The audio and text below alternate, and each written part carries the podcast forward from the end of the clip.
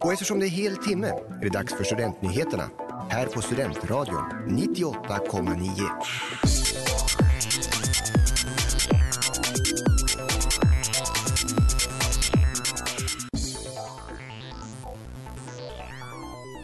Tredje vaccindosen.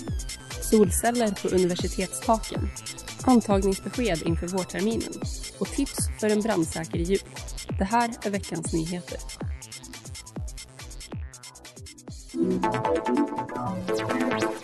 Nu kan alla som är 18 år eller äldre boka tid för en tredje vaccindos i Region Uppsala, en så kallad påfyllnadsdos. Vaccinationen av personer över 65 år har ökat i regionen de senaste dagarna. Det gör att det nu finns lediga tider, vilket är anledningen till att man nu kan öppna upp för yngre personer att vaccinera sig. Det säger regionens vaccinationssamordnare Margareta Örvall i ett pressmeddelande. För alla födda 1956 eller senare ska man vid vaccinationstillfället för tredje dosen kunna bevisa att det har gått minst sex månader sedan den andra dosen. Är man äldre än så ska det ha gått minst fem månader.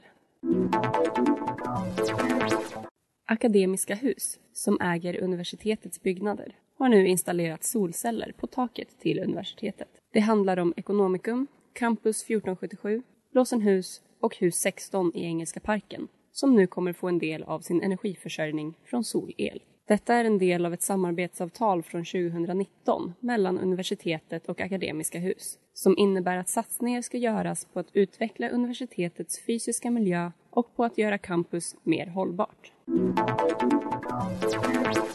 Alla som har sökt universitets eller högskolekurser inför vårterminen 2022 har nu fått sitt första antagningsbesked. Har du blivit antagen till en kurs eller står som reserv behöver du svara på om du vill ha platsen senast den 17 december via antagning.se. Det andra antagningsbeskedet kommer den 22 december.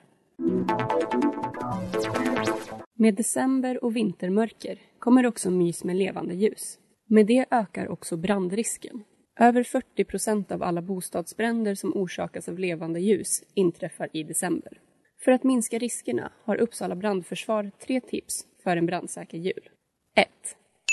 Lämna aldrig ett rum med levande ljus. 2. Du som tänder ljuset släcker ljuset. Och 3. Sätt en lapp på ytterdörren som påminner om att släcka ljusen när du går. Du har lyssnat på nyheterna i Studentradion 98,9 med mig, Amanda Jansson.